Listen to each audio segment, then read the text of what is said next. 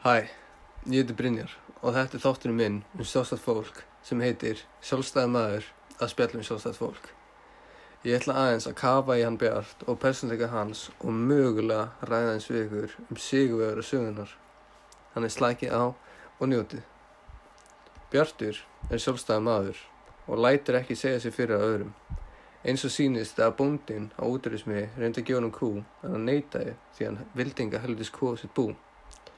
Hann hefur heldur aldrei látið neitt segja sig fyrir verkum og ég held að dreyma heimurinn á spjarts væri hann að búa einn út í raskatum í kindunum sinni sem hann elskar og að það langt í burtu frá öllum öðrum að enginn getur verið að stúsast í kringum hann. Margur maður myndi segja að hann bjartur í sömurhúsum væri ekkert annað en kallraba. Nú ég hef skoðun á því. Eins og gerist í bókinni Sástætt fólk þá verður dóttur hans bönnuð af kennarinnar. Svo þegar hann bjartur heyrið það Þá afvegnar hann dóttu sína því hún var ólétt fyrir hjónaband og var því með lausleiksbann.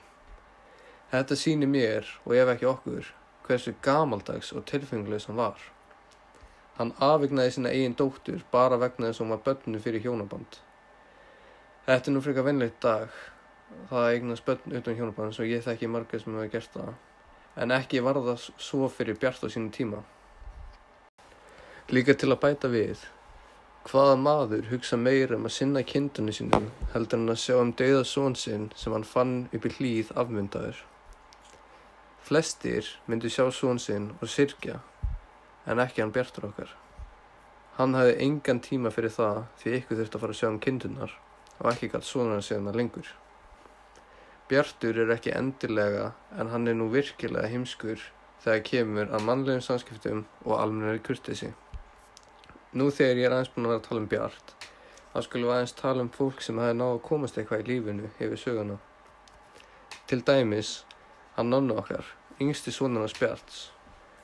Húnum var búið að fara til Ameríku og syngja og er það helviti vel gert.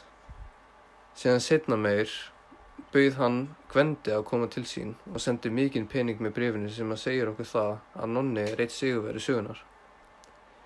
Annað sigur í sögunar geti verið hann Yngúlur Arnar Jónsson sem varði lók sögunar fórstættur á Íslands og náði að koma sér þangað með að vinna fyrir trösti bónda á Íslandi. Nú þegar við höfum talað aðeins um sigurverða sögunar og hann Bjart og persónleika hans þá skulum við aðeins tala aftur um hann Bjart og missi hans ekki um söguna. Hann Bjartur misti mikið í þessari sögu. Til dæmis þá misti hann són sinn og fann hann dauðan Hann misti líka dótti sína, náttúrulega, en það var það hans val. En hins vegar verða endur fundir í lók sögunar og fær hann dótti sína aftur.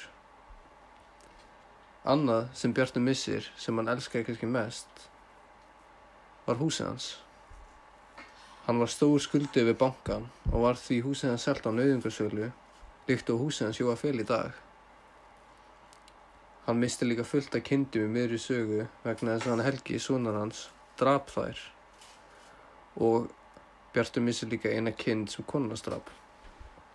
Það mætti segja hann að við einni mist svonsinn, hann Gwend, vegna þess að hann skildi Gwend eftir hjá verkumönnum sem að slást við lauruglu sem hefði mögulega getað enda í dauða.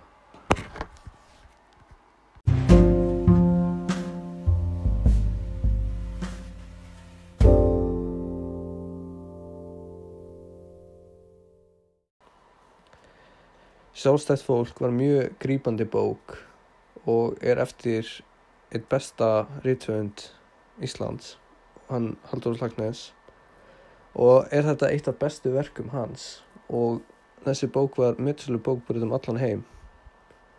Og hann fekk fyrir langa lungu og fekk hann óbúrsverðunum fyrir skrift sem sínir bara hversu frábær rítvöndur hann er og hann hefur skrifað mjög mikið á flottum bókum eins og Himsljós og Sölkuvölku. Og já, bara þetta var þátturinn sjálfstæði maður að tala um sjálfstæðt fólk.